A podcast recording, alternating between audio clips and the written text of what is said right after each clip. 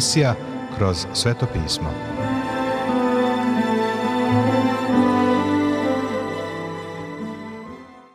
Dobroveče, poštovani slušaoci i dobrodošli u još jednu emisiju programa Kroz sveto pismo, programa koji je za vas napisao Vernon McGee, a pročitao Branko Bjelajac. Želimo vam prijetno i blagoslovljeno slušanje.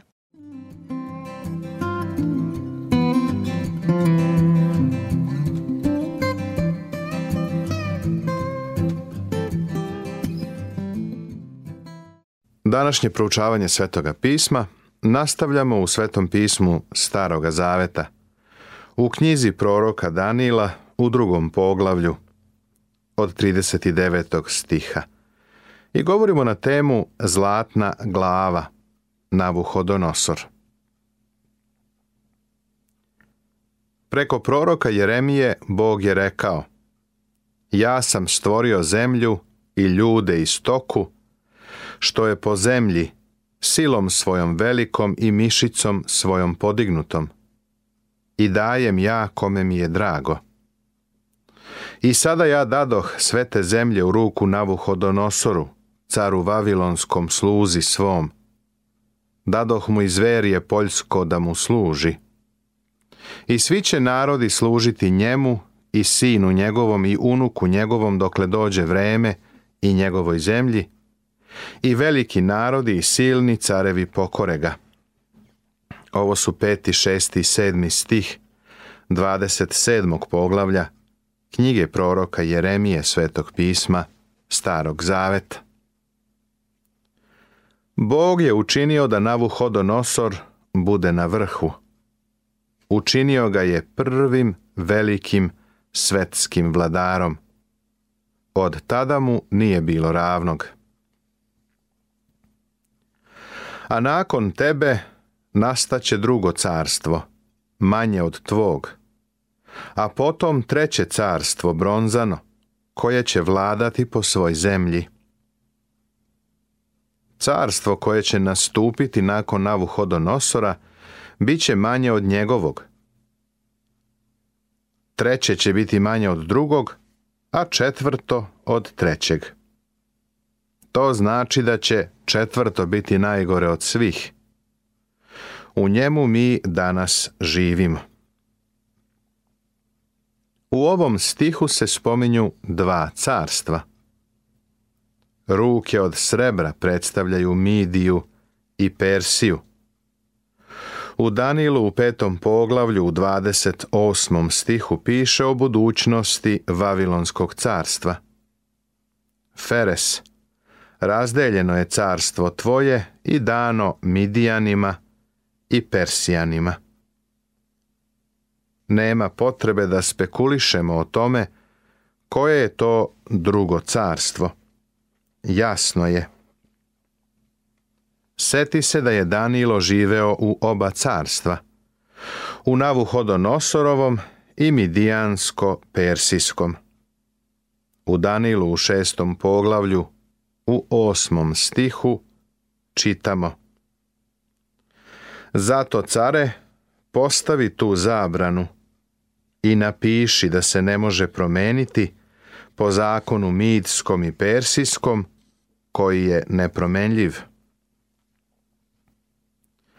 Treće carstvo je bronzano carstvo i vlada će po svoj zemlji. To je Grčko-Makedonsko carstvo Aleksandra Velikog. Sada dolazimo do četvrtog carstva. Važno je obratiti pažnju na to da ih je samo četiri. Nema petog carstva. Period tog četvrtog carstva je vreme u kome mi živimo. a četvrto će carstvo biti tvrdo kao gvožđe. Jer gvožđe satire i troši sve, i kao gvožđe što sve lomi, tako će satrti i polomiti. A što si video stopala i prste, koje od kala lončarskog, koje od gvožđa, bit će carstvo razdeljeno ali će biti u njemu tvrđe od gvožđa. Jer si video gvožđe pomešano kalom lončarskim. I što prsti na nogama behu koje od gvožđa, koje od kala, carstvo će biti nešto jako, a nešto trošno. A što si video gvožđe pomešano sa kalom lončarskim, to će se oni pomešati sa semenom čovečijim, ali neće prionuti jedan za drugog, kao što se gvožđe ne može smešati sa kalom. Ovo je izvanredan deo iz Svetog pisma. Više pažnje je poklonjeno četvrtom carstvu nego ostalim carstvima zajedno. Danilo ovde koristi četiri stiha da ga opiše i protumači. Samo jedan stih, stih 39. opisuje drugo i treće carstvo, midi persijsko i grčko makedonsko. Četvrto carstvo je carstvo posljednjih vremena. Seti se da je Danilo rekao Navuhodonosoru da je to razlog za postojanje lika. Bog govori Navuhodonosoru, čoveku koji obožava kipove, kroz ovaj lik ili kip, i kaže mu šta će biti u posljednje dane. On je vladar sveta i brine se za to da sve do kraja bude dobro. Prijatelju, živimo u periodu posljednjih dana. I danas se postavlja pitanje šta čeka ovaj svet? Treba da se pomerimo korak unazad i da za trenutak još jednom pogledamo ovaj lik. Ogroman je i zastrašujući. Mislim da je nadvisivao ceo ravni Vavilon, kad ga je Navuhodonosor video u svojoj viziji. To je lik sačinjen od više metala. Ima glavu od zlata, to govori o Vavilonu. Poprsje i ruke su od srebra, to su Midija i Persija. Bronza je Grčka Makedonija. Noge su od gvožđa, to je Rim. Na stopalima je zemlja ubačena u gvožđe. To je posljednji oblik Rimskog carstva. Lik predstavlja četiri carstva. Postoji nekoliko zapažanja u vezi sa ovim. Svako sljedeće carstvo je doživelo opadanje a to je na nekoliko načina pokazano. Ovo opadanje je suprotno savremenoj filozofiji i savremenom mišljenju. Naš današnji stav je da svi postajemo sve bolji i bolji svakoga dana. Evolucija na poslu. Idemo napred i sve više za uvek mislimo kako imamo najbolji oblik državne uprave i vladavine i kako smo superiorni. Ništa od ovoga nije tačno. Ljudski rod je uvek voleo da se tapše po leđima. Međutim, ovde nalazimo kako carstva na prelazu iz jednog u drugo opadaju. Svako sljedeće je slabije od prethodnog. Ovo se na nekoliko načina pokazuje kroz lik. Pod 1. Kvalitet metala. Zlato je bolje od srebra, srebro od bronze. Bronza je bolja od gvožđa, a gvožđe od zemlje. Definitivno postoji opadanje. Pod 2. Svaki metal pokazuje pogoršanje. Tregel je naučnik koji je ukazao na ovaj faktor. Pod 3. Pozicija svakog metala. Glava je poštovanija i uvaženija od stopala. Pod 4 postoji posebna izjava u Svetom pismu. A nakon tebe nastaće drugo carstvo, manje od tvog, kaže stih 39. Sveto pismo je jasno u tome da će svako carstvo biti gore od prethodnog. Pod pet.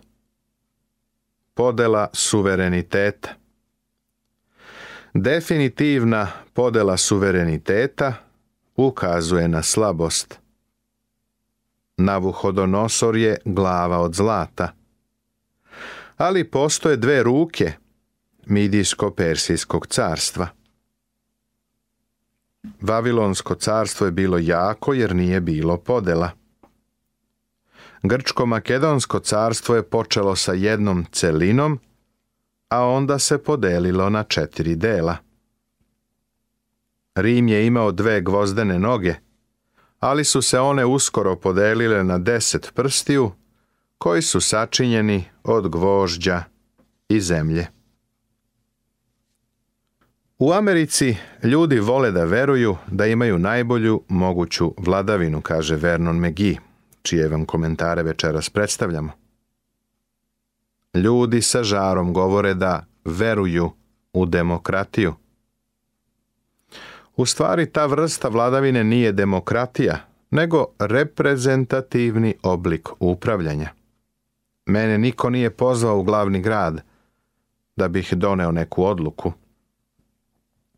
Mnogi drugi odlaze u Washington da im tamo kažu šta i kako treba da rade. Mislim da neko i treba da im kaže. Problem je u tome da pogrešni ljudi govore. Mišljenja sam da demokratija zaista nije najbolji vid vladavine. Boži oblik vladavine će biti baš kao ona zlatna glava.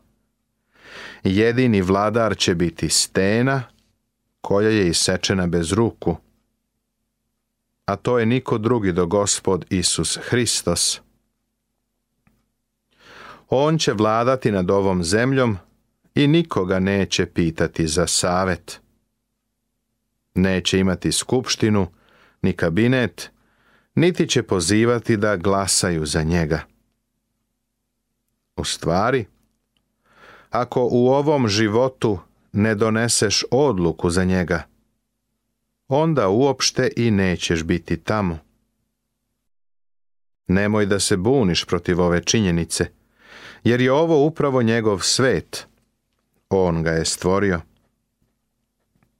Mi smo samo pigmeji koji trčkaraju ovde dole. Bog ima pravo da nas skloni iz svog sveta, kao što ja sklanjam mrave koji mi uđu u dvorište i u kuću. Pospem ih otrovom kad hoću da ih se rešim. Zašto? zato što se ne uklapaju u moj program. Mnogi od nas se ne uklapaju u Božiji program. Ovo je njegov svet i on će ga udesiti prema sebi. Božiji oblik vladavine će biti jedan od najstrožih koje je svet ikada video. Mislim da ni petao ujutro neće zapevati a da ne traži dozvolu za to. Gospod Isus Hristos će biti apsolutni diktator. Ako nisi spreman da mu se pokloniš, ne verujem da ćeš uopšte biti u njegovom carstvu kada ga uspostavi ovde na zemlji. Možda je dobro to što postoji i drugo mesto za takve ljude, jer im neće biti prijatno da tamo budu uopšte neće uživati.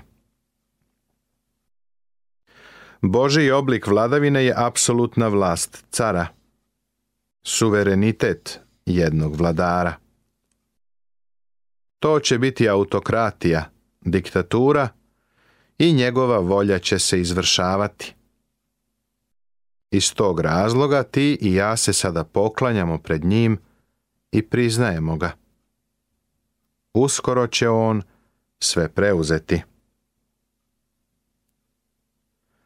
Pre nego što krenemo dalje, treba da primetimo još nešto. Nijedna velika svetska sila nije nastupila posle Rima. Rimsko carstvo je posljednje i postojaće i u posljednjim danima.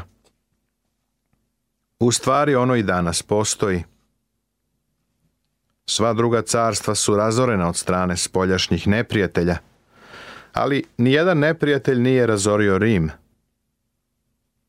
Atila Hun je došao i zaposeo Rim, ali je bio toliko obuzet strahopoštovanjem onim što je video, da je shvatio da sa tim ne može da izađe na kraj. Uzeo je svoje varvare i napustio grad. Rimsko carstvo se iznutra raspalo. Nije ga razorio ni jedan neprijatelj. Rim danas živi u velikim evropskim narodima. Italija, Francuska, Velika Britanija, Nemačka, Austrija, Španija, Švajcarska, sve su bili delovi starog rimskog carstva. Rimski zakoni i dalje žive, kao i jezik. Danas niko ne govori latinski, ali je on osnova da bi se razumeo francuski, španski, rumunski i drugi jezici. Živi i rimski ratnički duh. Evropa je u ratu još od vremena kada se ovo carstvo raspalo na manje delove. Šta se danas dešava u Europi? Danas postoji novi psihološki pogled na razvoj. Mladi ljudi koji tamo žive ne žele da ih zovu Italijanima ili Nemcima, već žele da ih zovu Evropljanima. To stvara osnovu za čoveka koji će jednoga dana doći da ponovo dođe, objedini i podigne rimsko carstvo. On je u pismu poznat kao čovek greha ili antihrist. Danas postoji zajedničko tržište. Napreduje se u obnavljanju rimskog carstva. Ali, sve dok Bog ne ukloni prepreke, taj čovek greha se neće pokazati u svoj punini. Pošto je on sotonski čovek, Bog mu neće dati da se pojavi, sve dok on ne pozove svoj narod svome imenu. Kada to uradi, podići će crkvu sa zemlje. Bog sprovodi svoj program uprkos tome da li tako izgleda ili ne. Prema tome, dolazi onaj koji će ponovo objediniti Rimsko carstvo. Nikada ja ne govorim o vaskrsenju rimskog carstva. To bi podrazumevalo da je ono mrtvo. Vidiš, rimsko carstvo se bilo raspalo. Mnogi su pokušavali da ga ponovo sastave, ali nisu uspeli. To je na početku bila jedna od misija Rimokatoličke crkve. Također Šarlemanj je pokušao da ga ponovo objedini. Napoleon je to pokušao, kao i nekoliko nemačkih careva. Hitler i Mussolini su to pokušali, ali do sada se nije pojavio ni jedan čovek spreman za to. Bog mu nije dozvolio da se pojavi. Razorenje mnogobožačkih svetskih sila – Uspostavljanje nebeskog carstva na zemlji. Kakav će biti konačni kraj ovog posljednjeg carstva? Carstva od pomešanog gvožđa i zemlje. Verujem da zemlja predstavlja mase, različite narode. Gvožđe govori o činjenici da Rim živi u posljednjem obliku starog carstva kako će se sve okončati. U ovom završnom delu drugog poglavlja nam je dat odgovor na to. A u vreme tih careva, Bog će nebeski podignuti carstvo koje se do veka neće rasuti. I to se carstvo neće ostaviti drugom narodu. Ono će satrti i ukinuti sva ta carstva, a samo će stajati do veka. Kako si video gde se od gore odvali kamen bez ruku i satre grožđe, bronzu kao i srebro i zlato. Bog veliki javi caru šta će biti posle. San je istinit i tumačenje mu verno. Antihrist ili čovek greha u pismu ima oko 20 različitih pseudonima da će obnoviti rimsko carstvo. Biće svetski diktator. Vlada će svetom onako kako na početku vladaše Navuhodonosor. Vidi otkrivenje Jovanovo 13. poglavlje. To je idealni oblik vladavine. Ali ako se na vrhu nalazi pogrešan čovek, onda je to užasno. Ovo je važilo za Navuhodonosora, a kao što ćemo vidjeti, važit će i za Antihrista. Nastavit će se. Ja e, pesmu pevam ti, ali to nije sve, ti želiš mnogo.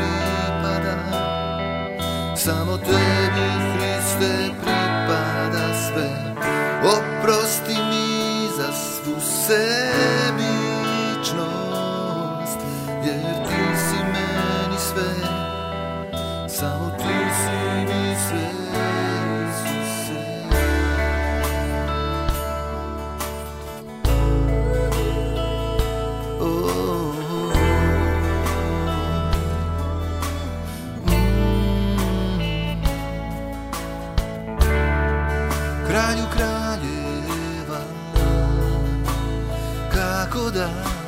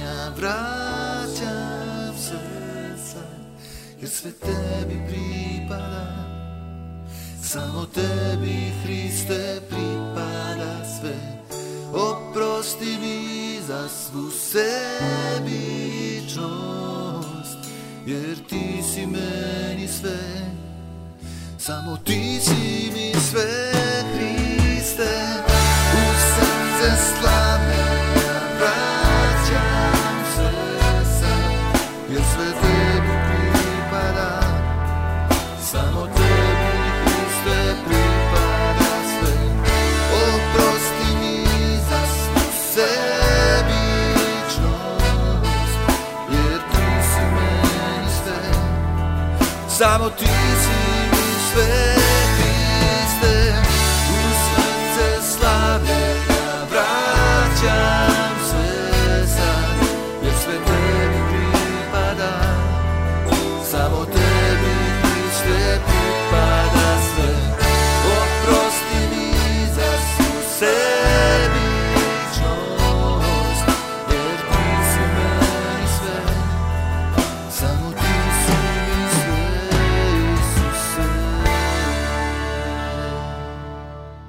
Poštovani slušaoci, završena je još jedna emisija iz serijala Kroz sveto pismo. Ovaj program možete da slušate svakog radnog dana na talasnoj dužini od 1548 kHz u vremenu od 22 sata do 22 sata i 30 minuta. Ukoliko želite da nam se javite, da nas pohvalite ili pokudite, da nam predložite izmene kojima bismo mogli da poboljšamo naš program, ali i da vas nagradimo kakvom dobrom hrišćanskom knjigom, novim zavetom ili celom Biblijom. Na raspolaganju su vam telefon, elektronska pošta ili obična pošta. Broj našeg telefona je plus 381 062 396 331. Adresa redakcije glasi Poruke, Poštanski fah 37 11060 Beograd. Elektronskom poštom nas možete kontaktirati na krosvetopismo at gmail.com. Također pripremili smo vam i web stranicu na kojoj možete pronaći sve naše programe. Adresa web stranice je www.twr.com serbia.org. To bi za večeras sa naše strane bilo sve.